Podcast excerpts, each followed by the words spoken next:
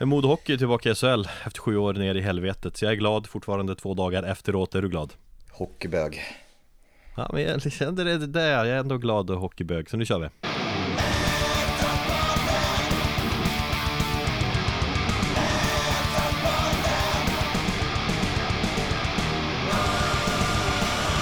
Hej och välkommen till Metalpodden avsnitt 169 det halvporriga avsnittet. Jag, jag har ändå som sagt varit eh, lycklig ett tag nu Sen det blev klart att Modo gick upp. Och det där med lycka är ju lite kortvarigt. Eh, eh, man ska passa på att njuta och vara glad. Du, du och jag är glad. Du känns som att du är i lite annan fas. Ja, för det första ska jag säga att jag, är ju, jag hånar ju dig för allt det här med hockeyn och du och Tims diskussioner om hockeyn. Fan vad det är tråkigt. Ja. Men jag är glad för din skull att du är glad. Jo. Men jag är inte glad över Modo. För det skiter jag i. Ja, men du är glad för min skull. Och det, ja. det är fint. Det räknas. Ja, men, ja nej, men vad fan, eh, vad, eh, vad är, vore inte livet om inte jag skulle vara det totala motsatsen? Nej, men jag, eh, jag är trött, jag är tjurig, jag är jag är lite grann i en, eh, en konstig fas just nu. Mm. Det börjar närma sig årsdagen av min, eh, av min fars bortgång och mycket eh, av maj gör sig påmint om vad vi gick igenom förra året under den här perioden. Ja. Så det, det, det, det, spökar ganska mycket med mitt psyke just nu. Nej, jag förstår det. Jag tänker på det. Jag, förutom du, du har ju tappat din, eller din pappa gått bort, så har jag två nära vänner. Um, två av mina närmaste kompisar som har tappat sina farsor väldigt nyligen. Eh, eh, Farsor som jag också kände, så det, det, liksom, det är jävla, det är mörkt. Tänk på det där. Att det, det är hemskt när de, de som är, står en så nära liksom Försvinner och kommer försvinna. Och idag är det ju tio år sedan Hanneman gick bort. Hanneman, ja. Hanneman. Ja. Rest in power skrev du. Är det det, är det, det senaste man, man skriver liksom? När man, när, istället för Rest men, in peace när det är någon metal kille som har gått Nej, men i hans fall så säger man ju egentligen still raining Ja Så är det ju När säger man Rest in power då? Det är när Riley Gale egentligen eh, gick bort det är sant. Det, ans det kanske anspelar på Power Trip och jag tänkte på att Still Raining anspelar på uh, ja, Rain Raining Blood. Ja. Kanske, kanske inte, jag vet inte. Men ja, det kan vara så. Ja, så kan det vara. Ja, men jag känner lite smärta nu känner jag också i och för sig för jag på nya kängor jag tänkte gå in nu i ett par veckor så jag kommer ha ont i två, tre veckor och sen kommer de vara hur sköna som helst. Så att eh, glädje och smärta. Det är det som är livet. Ja, och lite stress för det ska, de ska påbörja övervåning här nu, en firma i vårt fina hus. Jag känner att jag inte riktigt har koll på planlösning och alla detaljer. Men eh, det får gå som det går. Tänk dig den dagen när huset är över. Ja. Eller när det är liksom, allting är klart. Och du kan andas ut och du kan sitta där på din, eh, vad var det vi kallade det för? Eh, Sydstatsveranda. Sydstatsveranda och, och, och, bara spela banjo, ja. skinnbanjo. Ja men tänk när du får komma upp och ska vi sitta där tillsammans, hand i hand. Dricka moonshine jag är fortfarande en tanke och en dröm beroende på hur, hur min sommar kommer bli om det inte bara ska jobbas in i graven men att jag fortfarande på något sätt kan besöka dig i år mm. med eh, husbilen då. Ja. Så då är vi inte beroende av eh, något boende. Långt du ska köra då men eh, nej, men det är kul. Det, det är klart ni ska göra det.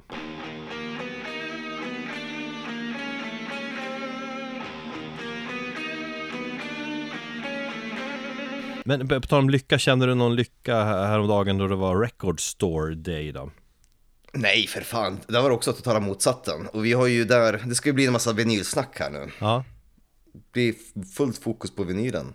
Eh, nej, men vi har ju eh, lite olika syn på det där du och jag. Eh, nej, jag sket fullständigt i det. Jag, det var ju den här riktigt fina sommardagen. Det var liksom 20 grader, alla jävla uteserveringar var fulla. Så jag passade på att göra andra saker än att liksom vara i en skivbutik. Ja, eller, ja, eller så kan man tänka att man, man går och köper ett par skivor, bläddrar i en skivback liksom sådär och sen tar man en öl efteråt och tittar på vad man har köpt. Eller så bojkottar man skiten. Men vad, vad menar du med det egentligen? Vadå bojkotta? Vad, fan, grundsyftet med skivbutiksdagen ja. är en, att man ska hylla, alltså tänka på skivbutikerna som kämpar på. Det är en hyllning till musiken, det är en hyllning till det fysiska formatet som vi eh, förespråkar, i alla fall jag, 100% av den här podden, du kommer in lite senare i det. Eh, sen syftar du på att det är big business med Record Store Day.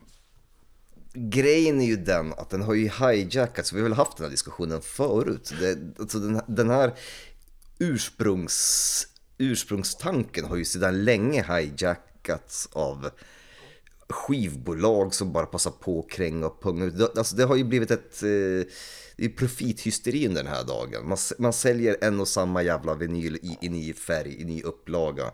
Och absolut, det kan ju fortfarande gå och stötta dina skivbutiker, men i, i, i grund och botten så, så, så, så vilka är det du ger pengar till? Jo, du ger pengarna till skivbolagen och till de här olika distributörerna som i sin tur då, för alltså enorma jävla pengar och det ger dem ett, ett incitament att fortsätta ha sådana sjuka jävla priser på allting. Jo, men, men allt sånt där som är populärt och, och någon form av högtid, om vi ska kalla det här, som jag väljer att kalla att det är någon form av högtid Mm. Allt det blir ju big business, så är det väl alltid. Fan julafton, det ska handla om att man är med sina nära och kära och har det mysigt framför en brasa typ eh, Men man behöver inte konsumera upp hela din månadslön på julklappar och allt det där Ja, och alla hjärtans dag, eh, samma sak där. Du kan visa alla andra dagar att du älskar någon och göra någonting för den. Det är samma sak här. Visa att du älskar din skivbutik med att gå in och köpa vanliga begagnade CD-skivor eller mm, vinyler och, och, och, musik än just på den här dagen där du egentligen i, i eh, ja, eh, slutändan enda du gör är göder mammon. Ja, visst, men, men ja, du kan köpa alla dagar i veckan, men det är väl fint ändå att man uppmärksammar Alltså köp inte de där nya pressarna då som kostar mycket Utan köp begagnade skivor och stöd dem Nej, men alltså Återigen har vi ett, en någon folklig grej, en folklig företeelse, en rörelse eller någonting ja. som har hijackats av liksom företag och, och eh, människor med vinstintresse. Så jag tycker att du ska bojkotta om du ska göra någonting. Jag, jag, jag, ska gå på en jävla liten rant här. För vi hade den här eh, grejen som jag gick igång på som fan med, med rundgång när de gjorde en liten, försökte skapa en hashtag där de ska ge 10% till, till folk så, som eh, är under 18. För att man skulle ha incitament till att köpa vinyler för ungdomar. Mm. Fin tanke, men som jag tycker är jävligt ihålig när du ser till hur, hur branschen fungerar och jag som har verkat i branschen är jävligt cynisk. Eh, och jag hävdar ju fortfarande att en, en, en 16-åring som har tusen spänn i barnbidrag, det gör, gör ingen jävla skillnad om han köper en skiva som kostar 500 spänn med 10% rabatt för 450 spänn när han har så pass lite månadspeng eller bidrag. Eh, och, och, och, att det här det, alltså incitamentet blir fel och det blir felriktat om du bara ska hålla på och liksom uh, ge dem rabatt. Du måste ju slå högre, du måste ju visa med hela plånboken. Mm. Alltså, någonstans så sitter ju ändå eh, vad heter kraften hos konsumenten. Det är du som bestämmer hur, huruvida utbudet ska, hur det ska se ut. Mm. Och så, så, så, så, så länge vi håller på och liksom gå på en sån här Records Today, vi, vi accepterar att vinylpriser nu ligger på, på 600-700 spänn för en dubbel vinyl som inte är helt ovanligt i, i min skivbutik. Och du fortsätter att köpa det liksom, så kommer ju bara, du ger ju inte, alltså företagen kommer ju fortsätta. Jo. Men jag, jo, jo, absolut, jo, jag vet. Men, men jag köper ju eh, i regel, och det som jag gjort nu, begagnade skivor. Och då mm, handlar, det har ju jag också. Då handlar det inte om lika mycket gjorde... pengar och då är det lite mer finare grej uh, Och då går det lite mer direkt till skivbutiken Ja, och det är så jag menar på. Mina skivor är ju köpta en vanlig dag eh, Oftast när jag går ut på lunchen och tar en liten promenad Så köper jag den eh, Och jag gillar att stötta den butiken så Men jag tänker inte stötta den på en, vad heter det, mm, på en sån här speciell dag som sedan länge har hijackats. Jag kan ta en, en Tombs to Ride Shoot Speak the Truth. Den, variant, den eh, skivan kom ju i en ny press, vad var det, i höstas? Eh, ja, de tryckte upp den igen för den har ju kommit i en... Det är ju Alex Helid som har Mm, ja, eh, three man recording. Den kom ju i höstas. Jag vet ju hela, hela grejen bakom hur det ligger till. De, den katalogen har ju Soundpollution köpt, köpt upp och, och fått hjälpa honom. Och de har ju tryckt eh, nypressar på den. Eh, nu kom det ju en ny variant till RSD som är typ samma jävla platta fast egentligen bara Ja, man liksom satt på en Record Store Day eh, liksom klistermärke och kunnat höja med den med ytterligare 100 spänn. Det är ju bara bullshit. Ja. Du köper grisen i säcken och det är, jag, jag vet ju exakt hur, hur, hur vi tänkte när vi jobbade på Sound Production. Bara, ah, vad fan, den här skivan kan vi ha som Record Store Day-platta. Vi, vi, vi sätter bara ett klistermärke på den och höjer priset med 100 spänn. Bam! Jag tyckte att i början av Record Store Day, då fanns det en del intressanta släpp Så man Ja! bara, wow, det här var häftigt. Det var fan, jag försökte komma på någonting. När det kom på eh, Metallica släppte någon Life till Leather-demon på kassett. Lars Ulriks fula skrivstil. Så det var, lite- det var en kul, det var, lite- det var lite roliga grejer. Men nu när jag kollar, det finns inget som jag liksom känner att wow, det där måste jag ha. Men det var från början, det känns som att de har kört fast i det där tänket. Ja men det är ett, alltså Taylor Swift släppte, de släppte ju en eh, nyutgåva av hennes senaste skiva igen, bara en ny färg som kostar 7 500. Så kommer det någon jävla idiot som, som känner att han måste ha det här, vi pratade jag med min skiva, lokala skivhandlare om, så köpte den här idioten nypressen trots att han redan hade fyra stycken av den skivan för 7 500. Vad i helvete? Du har ju makten men du låter, du liksom lämnar över makten i händerna på dem som, som, som sitter och pressar, pressar ut den här skiten. Och ger dem ytterligare ett incitament att göra det. Nej för fan, bojkotta skiten. Det kan man göra om man vill, eller så kan man göra som jag tänker, att vi tar tillbaka Record Store Day, vad det har varit. Eller som DT ser, åk och köp bägade skivor.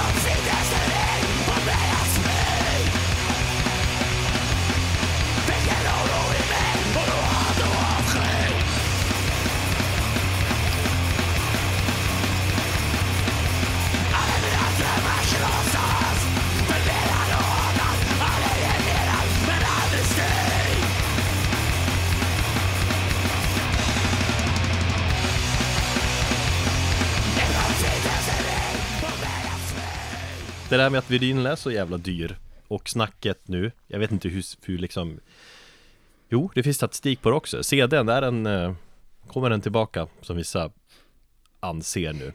Att mycket Ja, jag, sk- jag skulle ju egentligen ha kollat upp några riktiga siffror här innan, men jag, jag hann inte det. Men bara av att prata med min lokala skivhandlare igen då, så har han ju sett en ökning av 19% det senaste året på CD-skivor. Ja.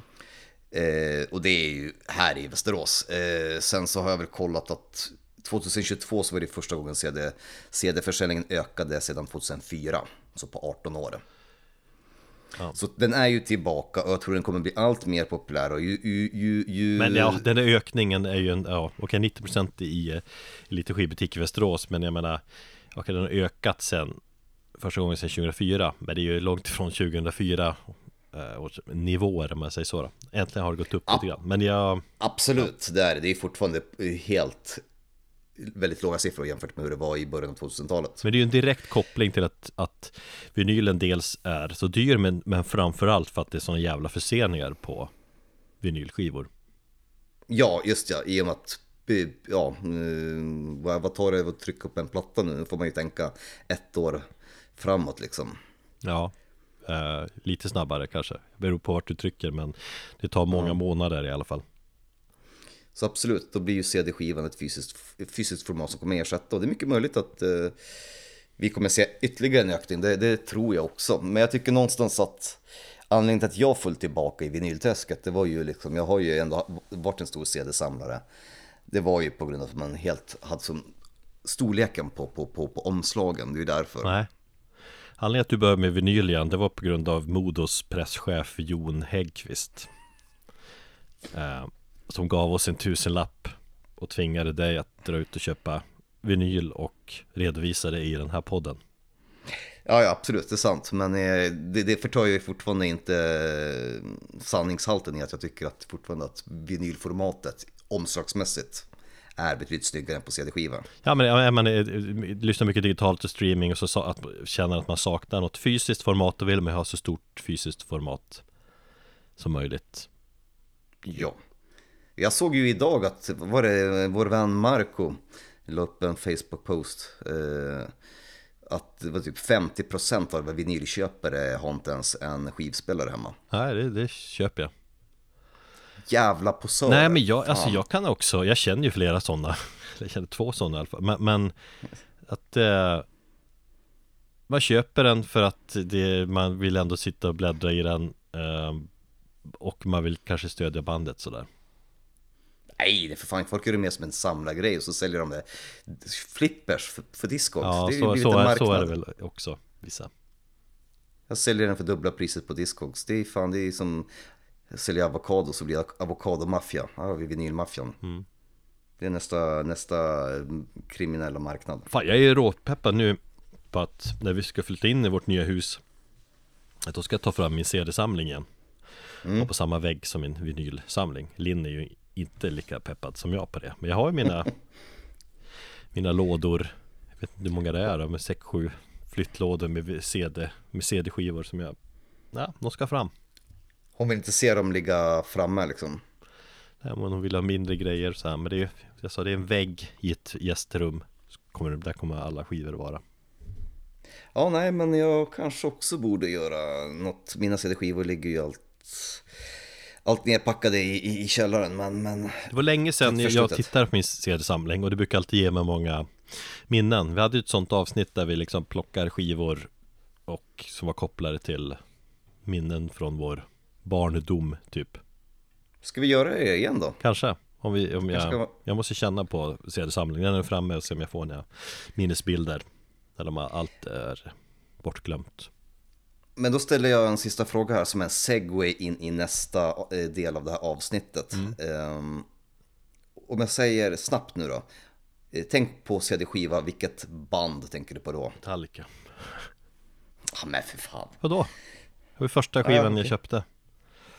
Bra, men då kör vi någon, eh, vadå, eh, okej, ja, vilken skiva? Master of Puppets. På CD? Bra, då får vi ta någon Master of Puppets-låt som en segway in i nästa avsnitt. Yes.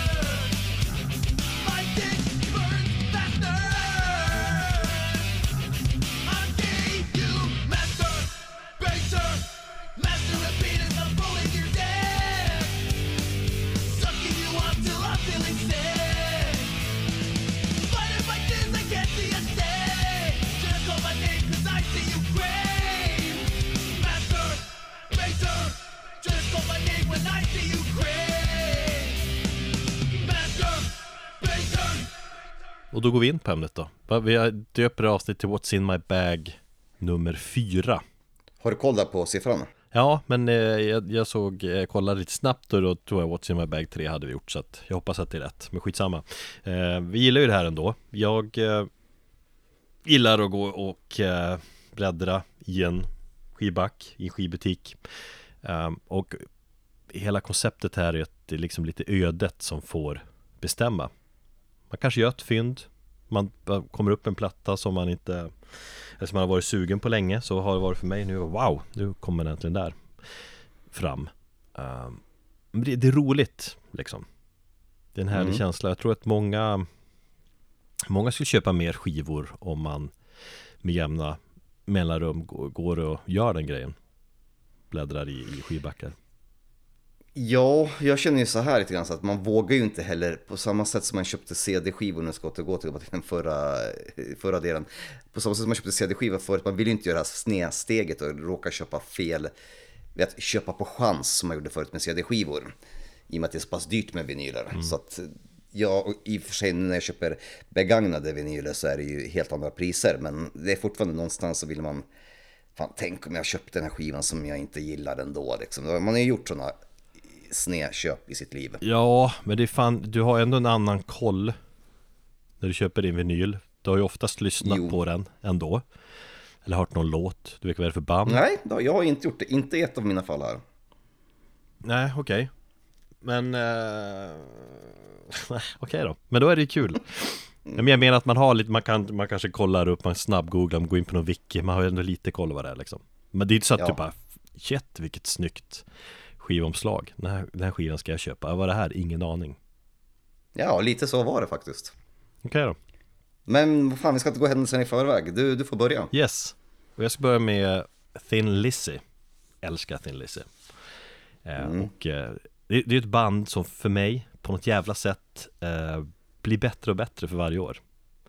När jag liksom blir, För att du blir gubbe. jo.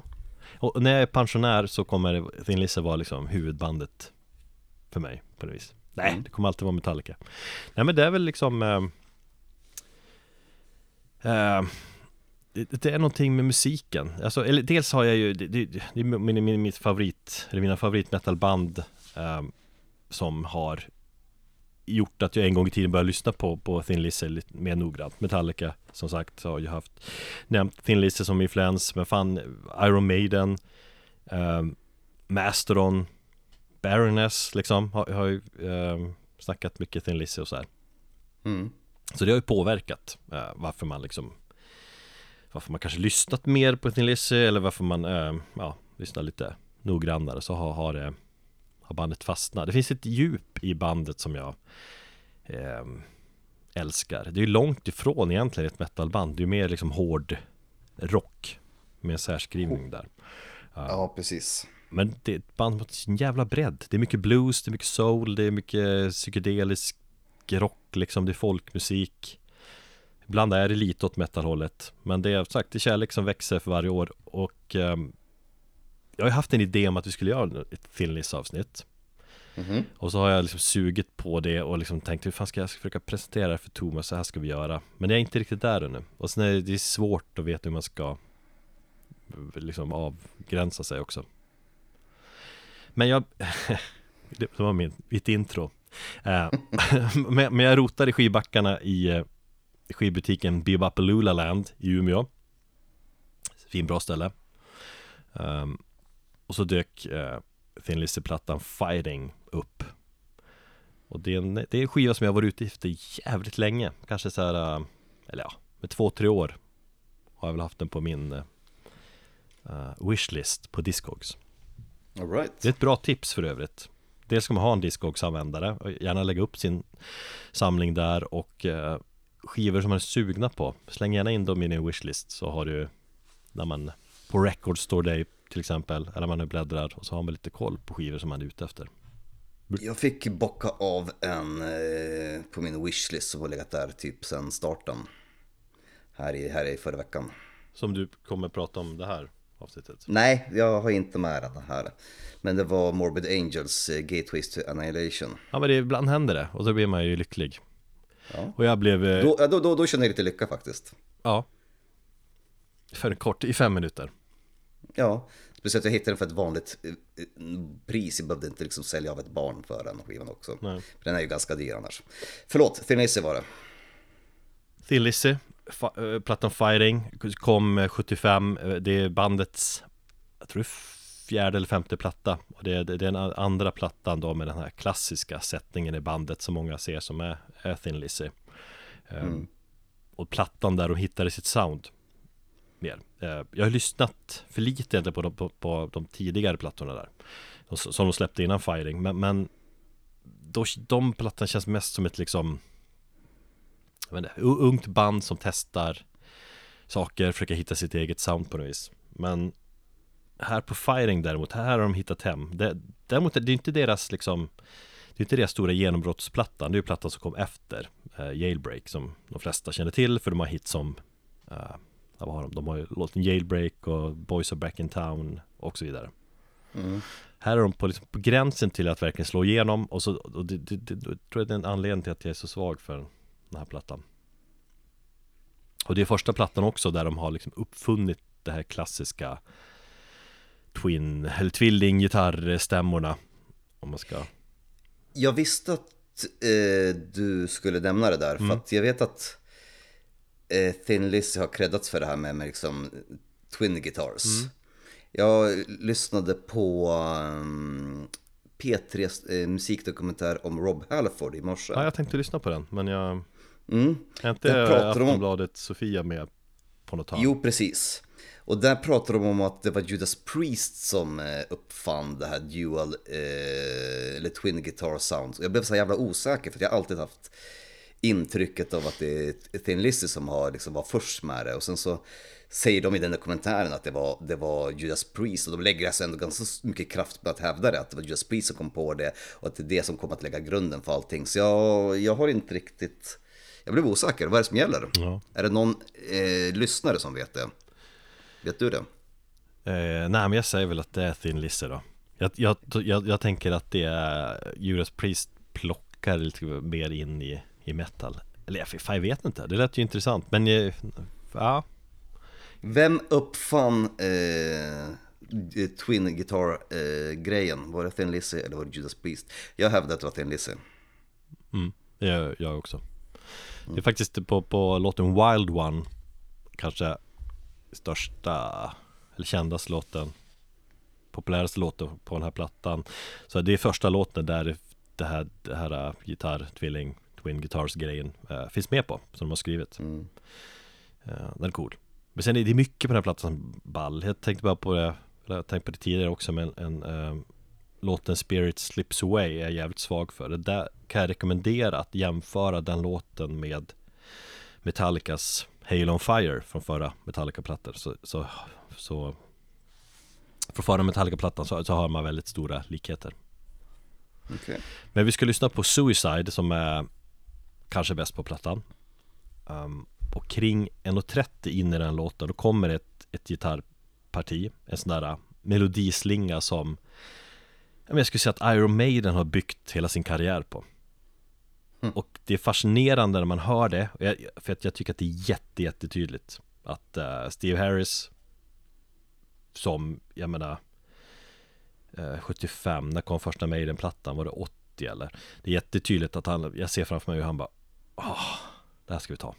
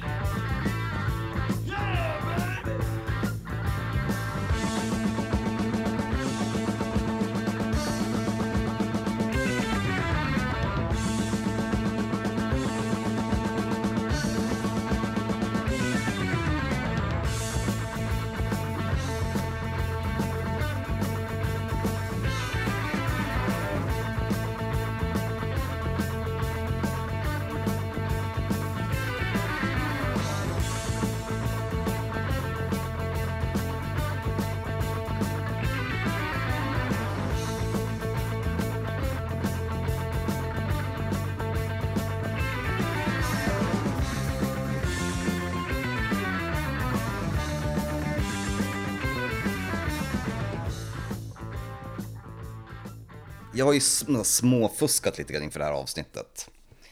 Eh, dels så har jag ju eh, handlat inte bara fysiskt i butik utan jag har faktiskt köpt en av mina plattor. och En av mina val inför det här avsnittet har faktiskt varit ett köp på nätet. Men det har varit en begagnad skiva. Av en annan människa, så varför en fysi- fys- fysisk person. Ehm, jag vill då hävda att det här är enda som Facebook är bra till. Det är liksom den här eh, ja, grupper där man kan köpa vinyler och merch. Ja, vilken grupp var det här då? Eh, det här var eh, hardcore-gruppen. Som jag köpte plattan av. Sen så har jag köpt en, en, jag tog med en gammal platta som jag köpte för en tid sen. Eh, och sen så tänkte jag, men jag måste ha någonting i alla fall som jag är speciellt inför det här avsnittet. Så jag gick ner till butiken, kollade lite grann, så bläddrade, jag hittade någon originalplatta på Ride the Lightning liksom. Tänkte, fan ska man ta den? Någon så här, eh, En original, alltså vadå, en, eh, Alltså en eh, europeisk, eh, holländsk press tror jag från 80, ja när det begav sig 84. vad går en sån på? Den begagnat, den var ju ganska eh, tilltyglad, men 300 spänn låg den på. En europeisk press som, ja, den var som sagt ganska, ganska sleten. Eh, lite Black Sabbath, så här, det brukar finnas eh, grejer att välja. Sen bara, nej men, kollade lite grann och så, så hittade jag ett omslag som jag bara drogs till. Och det var Marillions Misplaced Childhood. Och där så bara chansade jag rakt av. Jag frågade Kent i butiken, är plattan bra? Han bara, Marillion, det är ett av mina favoritband. Okej, så han, de, han hade lite flera Marillion-plattor också, så jag tänkte vilken ska jag ta liksom? Han, jag tänkte, men jag föll för det här omslaget på Misplaced Childhood, deras tredje platta. Eh, och jag har tänkt att, jag, eller jag, jag tror om det är Åkerfeldt som har snackat gott om Marillion tidigare. Jag tänkte det här är sådana band som jag måste kolla upp någon gång. Jag vet att det ska vara lite gubb-proggerockigt, det passar väl mig nu när jag börjar bli gubbe. Och i min liksom strävan efter att kanske hitta lite mer så gammal progg och sånt så, så, så tänkte jag att här har jag ett ypperligt tillfälle att kolla upp den här skivan. Oms, eh, omslaget tilltalar mig. Jag frågade, frågade då Kent, är den här bra? Jag gillar de första två mer, men det här är deras Dark Side of the Moon, deras mest kommersiella platta. Och det är den som de blev kända med. Så att du kommer absolut, eh, det kommer vara en bra inkörsport för dig. Men har du inte sett det där skivomslaget förut? Nej, det har jag inte. Det tycker jag är märkligt Eller jag vet inte, jag har sett det tusen gånger Jag, jag är långt ifrån bra koll på Marillion Men det är typ den plattan jag har hört Och framförallt den här låten det är väl typ deras Enter Sandman väl den stora hitten eller något Eller om det fan Ja. Jo men exakt så är det. Nej men jag är förvånansvärd. Mitt, min koll på Marillion har varit eh, alltså till namnet mer eller mindre. Och så vet jag att det är taget från Sagan om ringen ja precis och de kortade ner Silmarillion till Marillion för att eh, eventuellt då eh, undvika något så här rättighetsstrul. Nej men det här är ju eh, bandets tredje platta. Eh, ren, det är en konceptplatta. Det är en ren konceptplatta med egentligen en distinkt A och B-sida. Så alla, alla, eh, alla låtar är egentligen en enda, en- som en delar en helhet på sida A och samma sak på, på, på sida B.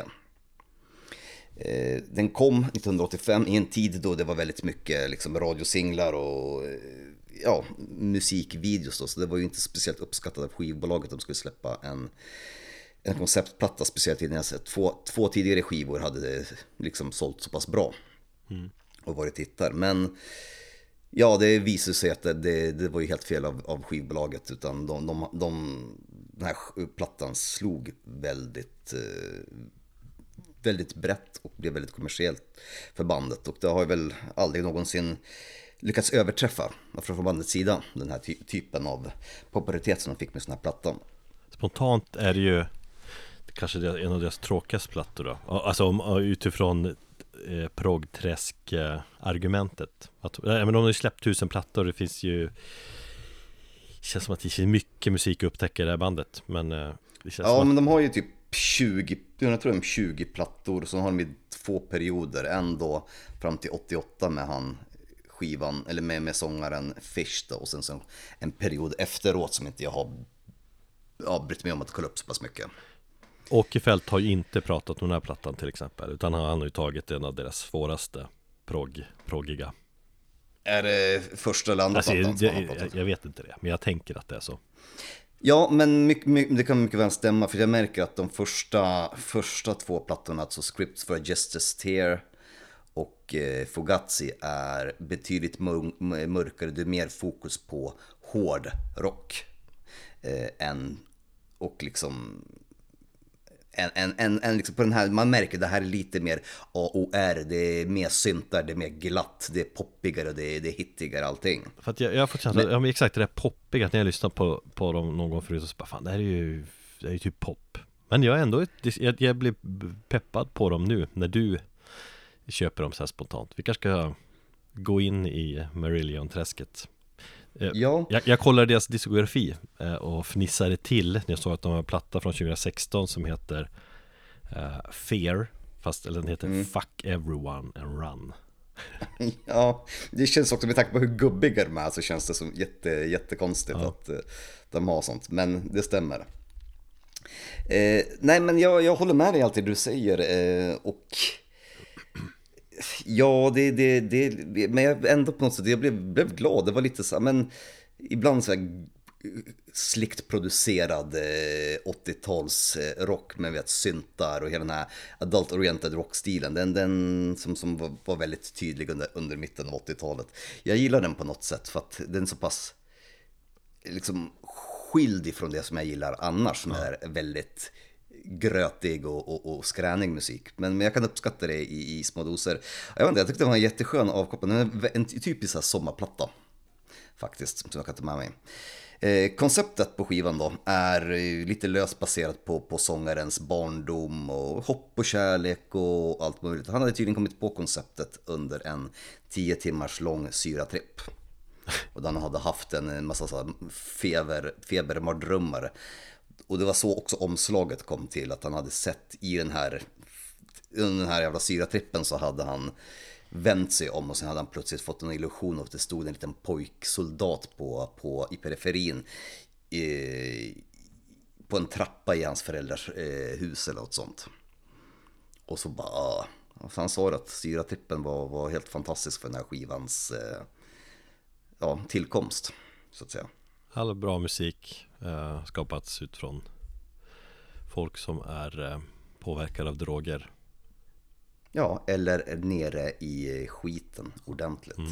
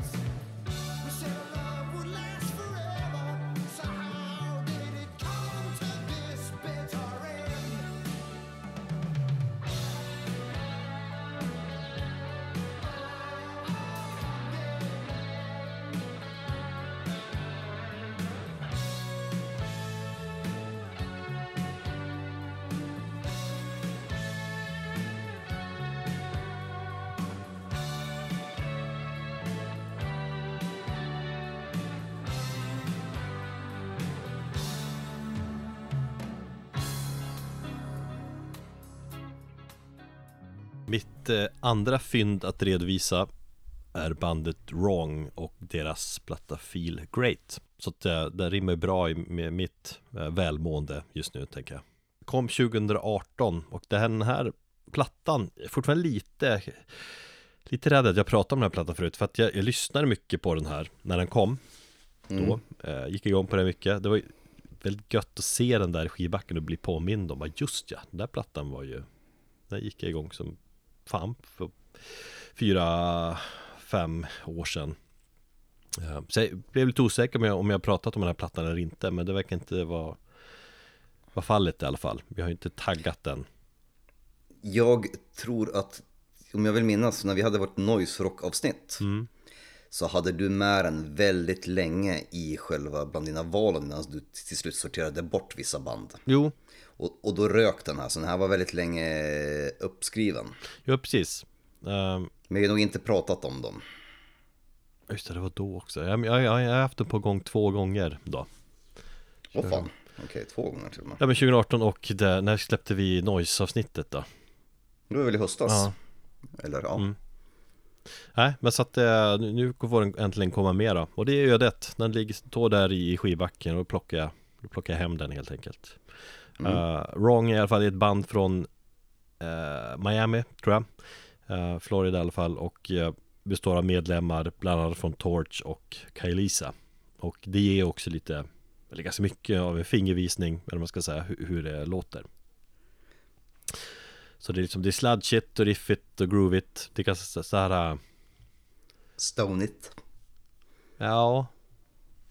Eller ja, det beror på hur vi definierar vår stoner Men Mer såhär grooviga start och stopp-riff typ Mm. Ganska rytmiskt och ganska avskalat, avskalat vilket jag gillar Eh, Mycket rytmerna på något vis som får stå i, i fokus När, när du sa att det var medlemmar från Kailisa så blev jag så här, jaha, det visste jag inte. Och det blev plötsligt lite logiskt också när jag lyssnade på dem. Mm.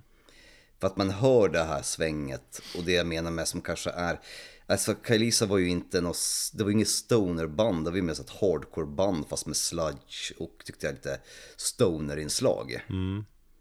Och det är typ det, jag kan inte riktigt sätta orden eller sätta fingret på vad exakt det är som jag tycker är stonigt i, i, i det. Men det är väl, ja det kanske är riffen, att det är lite groove. Ja, Det är väl kanske det. jo Mer, fast mer, mer åt metal stoner då Ja, jo, ja precis. Eller hur man ska säga eh, Och sen har de lagt in lite typ så torch-melodier på vissa låtar. Så att det blir lite mer poppigare. Men så finns ju också ett tydligt element som gör att jag går igång Lite extra på den här plattan och det är ju det här noise-elementet. Så det, det är gitarrer som får vara skräniga och det är lite rundgång. Eh, Och det, det gillar vi ju. Eller har du tappat eh, noise, noisen? Absolut inte. Eh, Jag brukar fortfarande få en eh, liten pepp då och då. Eh, Jag slog mig av att, jag slogs av att jag tyckte att det påminde mig en del om I Flies. Det här noise rockbandet som jag diggar så jävla hårt med medlemmar från Full of Hell bland annat. Det var, jag vet inte om det var sångaren som lät likadan eller det här liksom tunga, släpiga. Det var några låtar där i, på, på, i första hälften av på plattan som jag tyckte var så jävla... De påminner en hel del.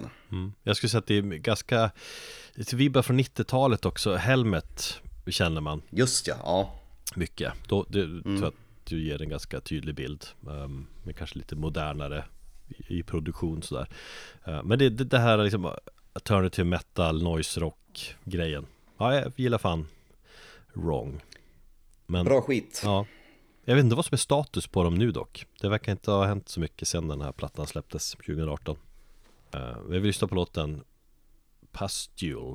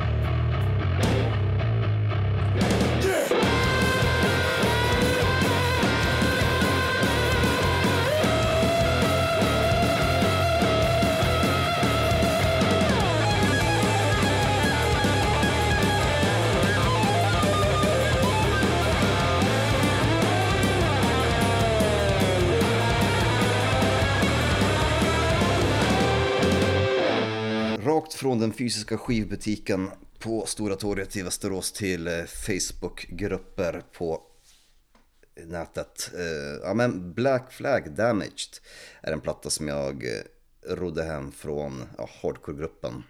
Jag gillar att vara med i den, det är bra aktivitet, det blir inga skitnödiga diskussioner som det kan vara ibland andra eh, musikrelaterade grupper på Facebook. Folk är trevliga mot varandra och det är rakt på sak. Här, Är det så? vi köpa plattor. Ja.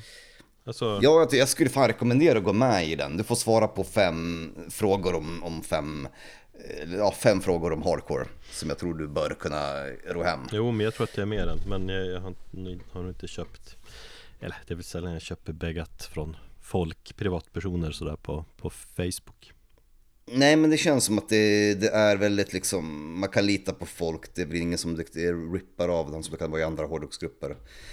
Eh, och sen så, bra merch. Jag tror jag har dragit hem både merch därifrån, två, tre t-shirtar, ett gäng, ja, tre, fyra skivor. Jag köpte ju Riven, köpte jag The Cold, eller Riven. Och ett tag eh, på min lista om att prata här, eh, här idag också om den. Köpte en snubbe, jag köpte Integrities, eh, Humanities the Devil, tian. Drog jag hem, så att jag är nöjd. Mm. Eh, Black Flag var i alla fall också en platta som, som är, eh, ja, i dagens, så här 43 år senare så är den ju eh, en kultklassiker och det finns inte så mycket att orda om den plattan. Men när den kom 1980 där så, så var det ju en platta som gick ganska så obemärkt förbi både hardcore-scenen och bland kritiker och, och, och, och fans. Black Flag var ju ett relativt nytt band, de hade ju släppt någon EP där innan och de hade försökt vid flera tillfällen att spela in den här fullängdaren. Med lite olika sångare, med bland annat eh, Keith Morris och eh, Ron Reyes har jag för mig. Um, Descadena tror jag också. Det var ett gäng, gäng folk som de försökte in den här plattan med innan Henry Rollins då hoppade in i bandet och så lyckades de landa en debutplatta som, ja, helt enkelt ändrade mm, hardcore-historien för all tid framåt.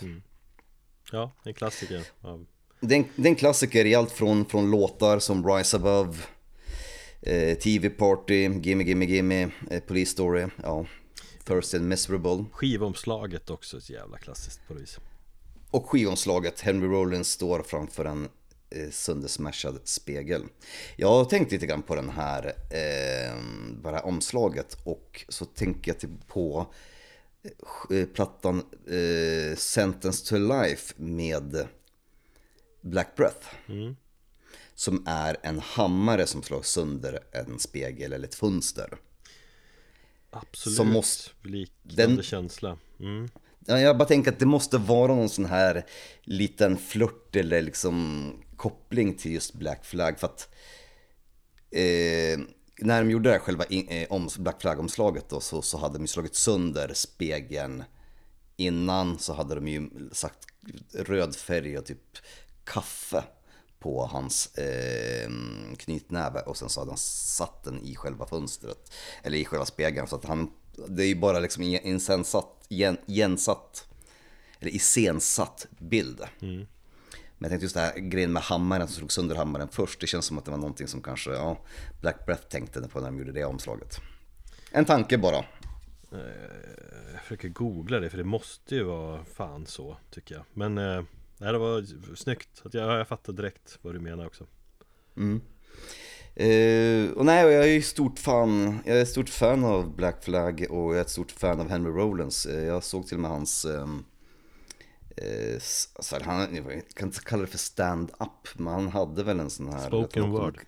Spoken word, precis. När han var 2010 i Stockholm och körde sin och det var jävla kul. Det var en bra blandning av liksom historier, både på allvar och, och, och, och på skoj från hans liv. Jo, han var ju svinbra på det eh, jag, jag bara tänkte nu, Henry Rollins, man ser han inte riktigt längre Han är inte lika Han börjar bli gammal Han är fan, han är fan gammal. Jo. Jag tror att han är, han är ju 70 just nu och, det värsta är att jag såg honom som Han är gästsångare ju på fan något sätt. inte 70 år, kan han ju inte vara Jo, det tror jag visst han är. Vad fan, då är han ju gammal Nej, nu måste vi kolla det ja, vi kollar det. Henry Rollins här. Får se vem som kommer först. Han är, okej för okej, 62 år han. Ja, ja, men han är på väg mot 70. Men han ser fan, han ser, eh, han, han ser äldre ut än så. Ja, ska se hur du ser ut när du är 62 I och för sig, Du kommer se ut som ett barn då också Ja, förmodligen. Vi har bra gener i våran, eh, i våran polska genpool. Nej men man ser han inte lika mycket eller? Han var, ja, vad såg jag? Han hade ju sin, vad heter den där tv-showen? Eller en Rollings show heter den väl? Eh, Ja, eh, Nej men vad fan, och så, men, vad gör han nu för tiden? Varför hör han aldrig jag vet, jag vet fan inte. Men det, det, det, jag såg senast honom som gästsångare i någon, i någon vad heter det, något punkband och sånt där. Det var, det var allt. Men eh, han har nog kanske lugnat ner sig ett tag. Ett tag så höll han på ganska mycket med, med tv och olika serier och sånt. Han var ju med i Sons of Anarchy vill jag minnas. Han, har, han har en podcast, han har skrivit en hel del böcker, han har... Han har en podcast som jag lyssnade på en hel del för Ja det var säkert några år sedan nu, nu var han och så var det någon, någon tjej också. Men det var mest han som babblade, mycket stories och sådär. Men det var, det var halvbra Han verkar göra väldigt mycket saker bakom kulisserna med i, han har, gjort någon, någon, var med i, bakom kulisserna på någon film som heter Music från 2021. Eh, ja, vad så här, vad kan man säga? Official website, vad säger den? Skitsamma, man kan, vi får ta att göra ett Henry Rollins avsnitt någon gång. Kanske Ehm, jag tycker i alla fall att han är en ganska härlig människa och, och, och se honom på den där föreställningen, den här spoken word, det var sjukt roligt och givande. Och eh, ja, så att vi... Skiva nummer två från min What's in my bag-samling blir då Damage. Vi lyssnar på låten Police Story.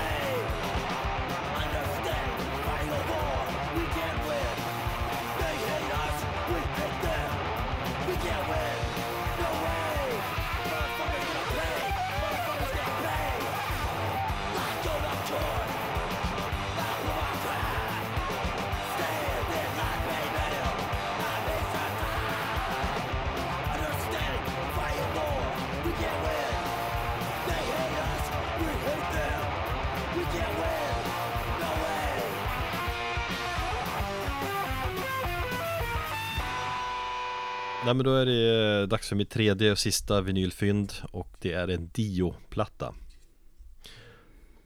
Lite eh, oväntat för mig tänker jag. Magica heter plattan. Ja, vi diskuterade, är det så jävla oväntat? Jo men det, för mig är det lite det, jag, det är, jag men det, För podden är, tror jag det också. Det känns som att vi har eh, Det känns som att vi har snackat för lite om Ron James Dio i den här podden ändå. Ehm, Ja, Dios Rainbow-era älskar jag, där har jag väl, har jag väl nämnt så här. Han sjöng ju på de tre första plattorna innan han blev sångare i Sabbat Ehm, just ja. Och så, som har släppt totalt tre plattor med. Det har jag också ganska bra koll på. Men, eh, men eh, sen är han ju också väldigt känd för sitt egna band Dio Som han släppte totalt eh, ett tiotal plattor med.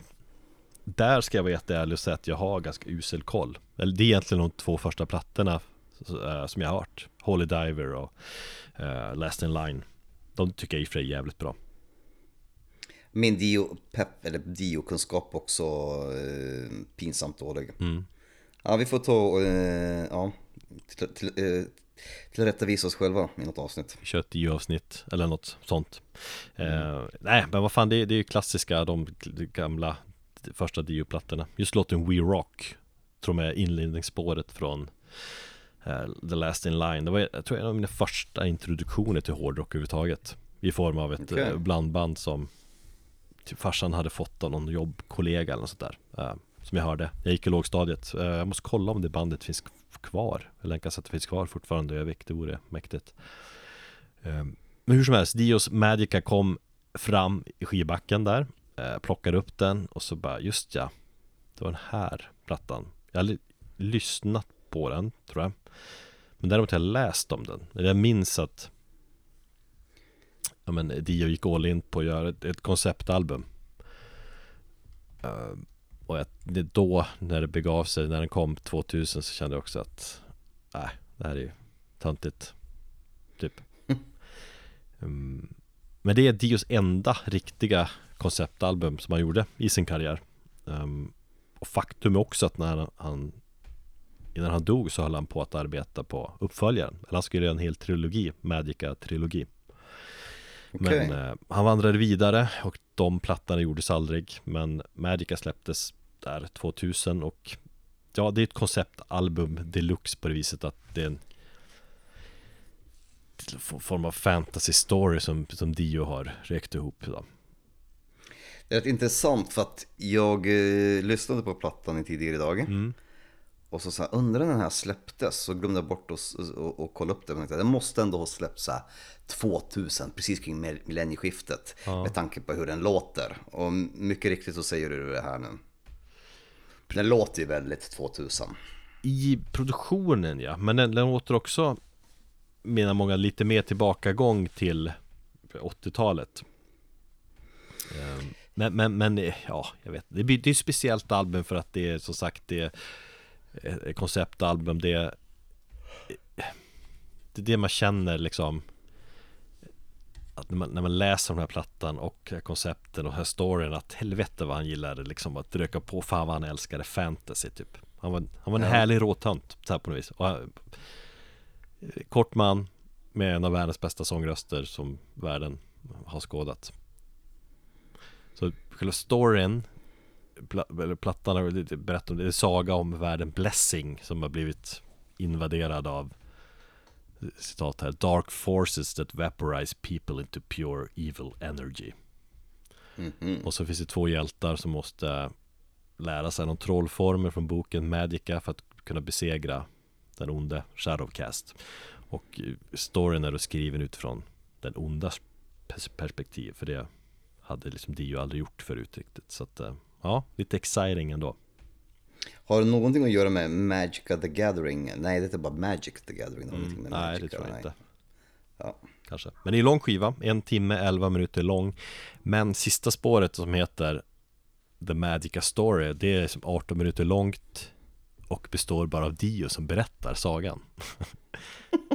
Och så är den lite lätt tonsatt med, med akustisk plonk och lite bakgrundsljud sådär Jag, jag kom inte dit, jag tror jag stannade precis innan där. Mm. Men det är härligt ändå.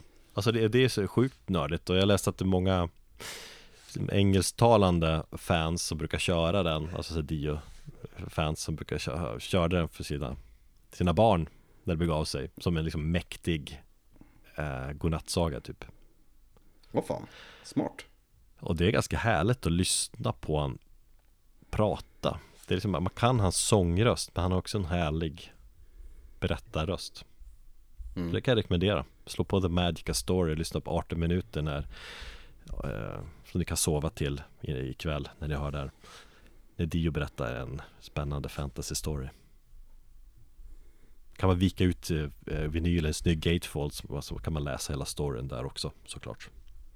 Mm. Um, men, men musikaliskt, jag håller med att i produktion vilket det låter Ja men där runt 2000 Men han har ju plockat hem en uh, Gitarristen Craig Goldie som var tillbaka då i bandet här Som var med och släppte Dream Evil Plattan Dream Evil med Dio på 80-talet um, Och jag lyssnade lite på den också så att jag, jag hör det att det är någon form av tillbakagång, tänk. Okej. men det är mycket liksom, jag vet inte, fan, det det är heavy metal liksom i, det är tung gung, tunga riff Jo, det jag tänkte var att det var kanske inte så jättemycket heavy metal utan det kändes mer som, den kändes mörkare än vad jag är van vid med Dio, säger jag som inte har så jättebra koll på, på alla hans plattor. Men av det jag känner till av Dio så tyckte jag den känns mörkare. Och sen att den hade den här lite mer 2000-talsproduktionen och kanske lite mer alternativ feeling än mer heavy metal feeling. Fast eller att det fanns alternativ metal inkorporerat i, i, i det. Hans gamla sound liksom. Ja, det, det är mycket utrymme för Dio att sjunga eh, på. Definitivt. Så att det, det, det och det är väl en tanke med det med tanke på det här konceptet då, men det är jävligt varierad platta faktiskt och det, det, det har väl också med konceptet att göra att det automatiskt blir lite mer så på grund av liksom en story som det finns ett filmtänk liksom berg och dalbanetänk i, i, i storyn och skivan Mm. um, och, och liksom jag lyssnade igen första gången kände jag, ah, men sen har jag lyssnat på den ganska mycket och jag har kommit in i den så att det, jag, det är många liksom Framförallt sångmelodier som eh, har satt sig som jag Jag tyckte det är en jävligt cool platta där All right. Och så känns det på något vis Ja Heligt och härligt att lyssna på Ronnie James Dio Jag ska gå tillbaka till hela hans liksom Diskografi nu Så kan du göra djävulstecknet med gott samvete. Ja precis För han var väl nästan först Eller hur det nu var Eller var det Gene Simmons? Det var inte Gene Simmons. Vi lyssnar på en av höjdpunkterna äh, Låten Fever Dreams Det är en av karaktärerna där som drömmer Feberdrömmar och, och om den här hemska Shadowcast Typ ja, men Det är ganska enkelt Men briljant riff och Dio får briljera med sin sång um, Ja det är fint. Ronny James Dio.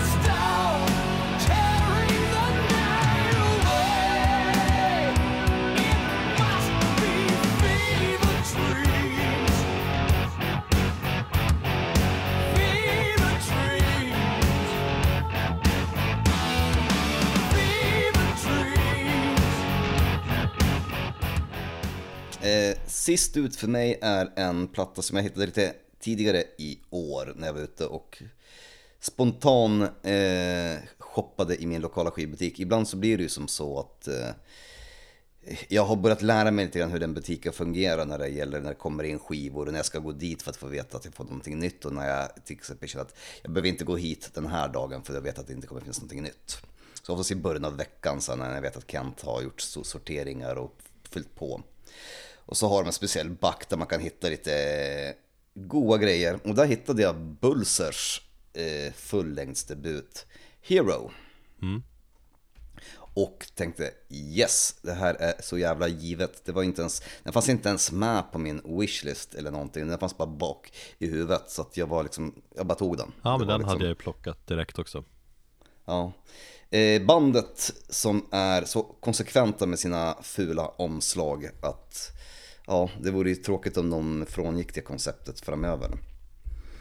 Eh, Bulser är ju då mest kända för all den kritik de fick och, och nazist och fascistkopplingar 2017. Men eh, för vissa människor. Men för Ja, men- mig så... Ja, ja. stanna där då, nazikopplingar För jag har inte Jag minns att det var ett snack om dem Eh, Jag har inte varit särskilt engagerad i det Men vad är det förutom hans eh, Sångarens ta- tatueringar och, och svastika som gör att stämpeln är där Alltså när jag läser intervju med honom så tycker jag ändå att han förklarar det ganska väl Ja, och, och det kan ha stannat där. Men det, folk ska ju hålla på att dra i det här hela jävla tiden så att jag blir ju så jäkla less. Jag tror att det mesta av stormen har väl lagt sig kring det. Eh, sångaren då, Okoy eh, Theory, eller Thierry Jones är ju då halvt fransman, eller halv, ja, halvt fransman eller frans schweizare och hans pappa är eh, afrikan. Så han har ju rötter om det är i Schweiz eller Frankrike, eller- för det, det är ett schweiziskt band. Eh, men om, eh, om han, vad han har rötterna på sin mammas sida, det vet jag inte riktigt om det är Schweiz eller Frankrike. Och hans pappa har afrikanska rötter. Och han har ju, han har ju både mm, bara en svastika tatuerad på kroppen, han har eh, Eh, solkorset och så har han eh, vargkorset. Och ja, i det här, har man sådana där, att- visst, han vill ju reclaima, han menar ju att det här är gamla symboler som har eh, med soldyrkan att göra och jag kan köpa hans eh, förklaring. För han har två gånger så har han faktiskt tagit ställning emot det här och förklarat vad, vad hans tatueringar står för, vad de betyder för och, och hela hans eh, kopplingar till, till och hans intresse för, för buddhism, för, för ehm, solar och för gammal, gammal historia och hans kopplingar med afrikanska kopplingar också på den sidan. Och det är ganska utförliga intervjuer också. Ja, och han, och han har även tagit ganska tydlig ställning emot fascism och eh, eh, nazism och rasism överhuvudtaget och sagt att det här är ingenting som vi beblandar oss med. Och eh, vi anser att det här är saker som faller väldigt lågt under våran liksom, eh, intelligensnivå. Det är liksom, we promote the growth and enlightenment of the individual. The last thing on our agenda would be to glorify the implements of power involving collective enslavement of a people and their individualism. Fascism and racism in that sense are pretty unattractive for us. Eh, och som vi flera gånger sa, ett försvara här. Sen så kan jag ju då tycka att har man då sådana där symboler och vi lever i en tid där folk gnäller över det, det mesta, då kanske inte man ska stå på en stor festivalscen i bara överkropp Nej och sen förvänta sig att eh, folk inte kommer gnälla. Nej, det han kan, ja, exakt Så man kan ju bara vara lite ta- taktfull där. Sen så förstår jag att man kanske vill visa upp dem och, och sådär, men, men jag bara säger att, ja. Så det, det, det, det är vad jag tycker om det. Skitsamma, eh, det är väl det de är, det är en grej jag tror att har blåst över. Jag tycker att musik är helt fantastisk, men jag är också den som faktiskt håller mig till, till fullängdsalbumet eh, Hero som släpptes 2016 som, som deras bästa verk. För att de hade ju en jävligt stor bass redan tidigt under 10-talet. De bildades ju 2008 men de släppte inte sin första EP eller demo förrän 2012-13 där. Och så, så hade de nog så här kassetter eller demo som släppte under den första hälften av 10-talet som hypades som fan. Jag tycker inte de är så speciellt märkvärdiga.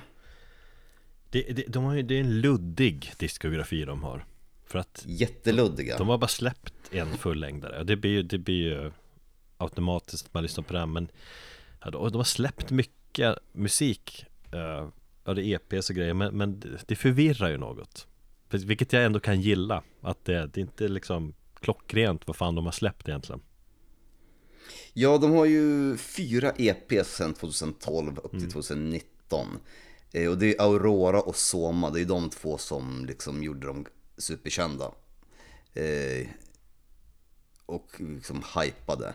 Och jag har försökt att förstå dem så här, jag kanske sett dem i så här, lyssnat på de plattorna i efterhand och inte riktigt fattat vad det är. Men man kanske, man kanske var, skulle ha varit där.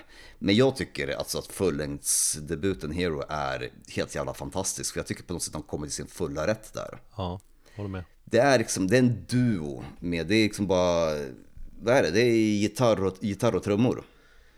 Ja, Och de ja, låter så jävla massivt. vet, vad beskrivs de som?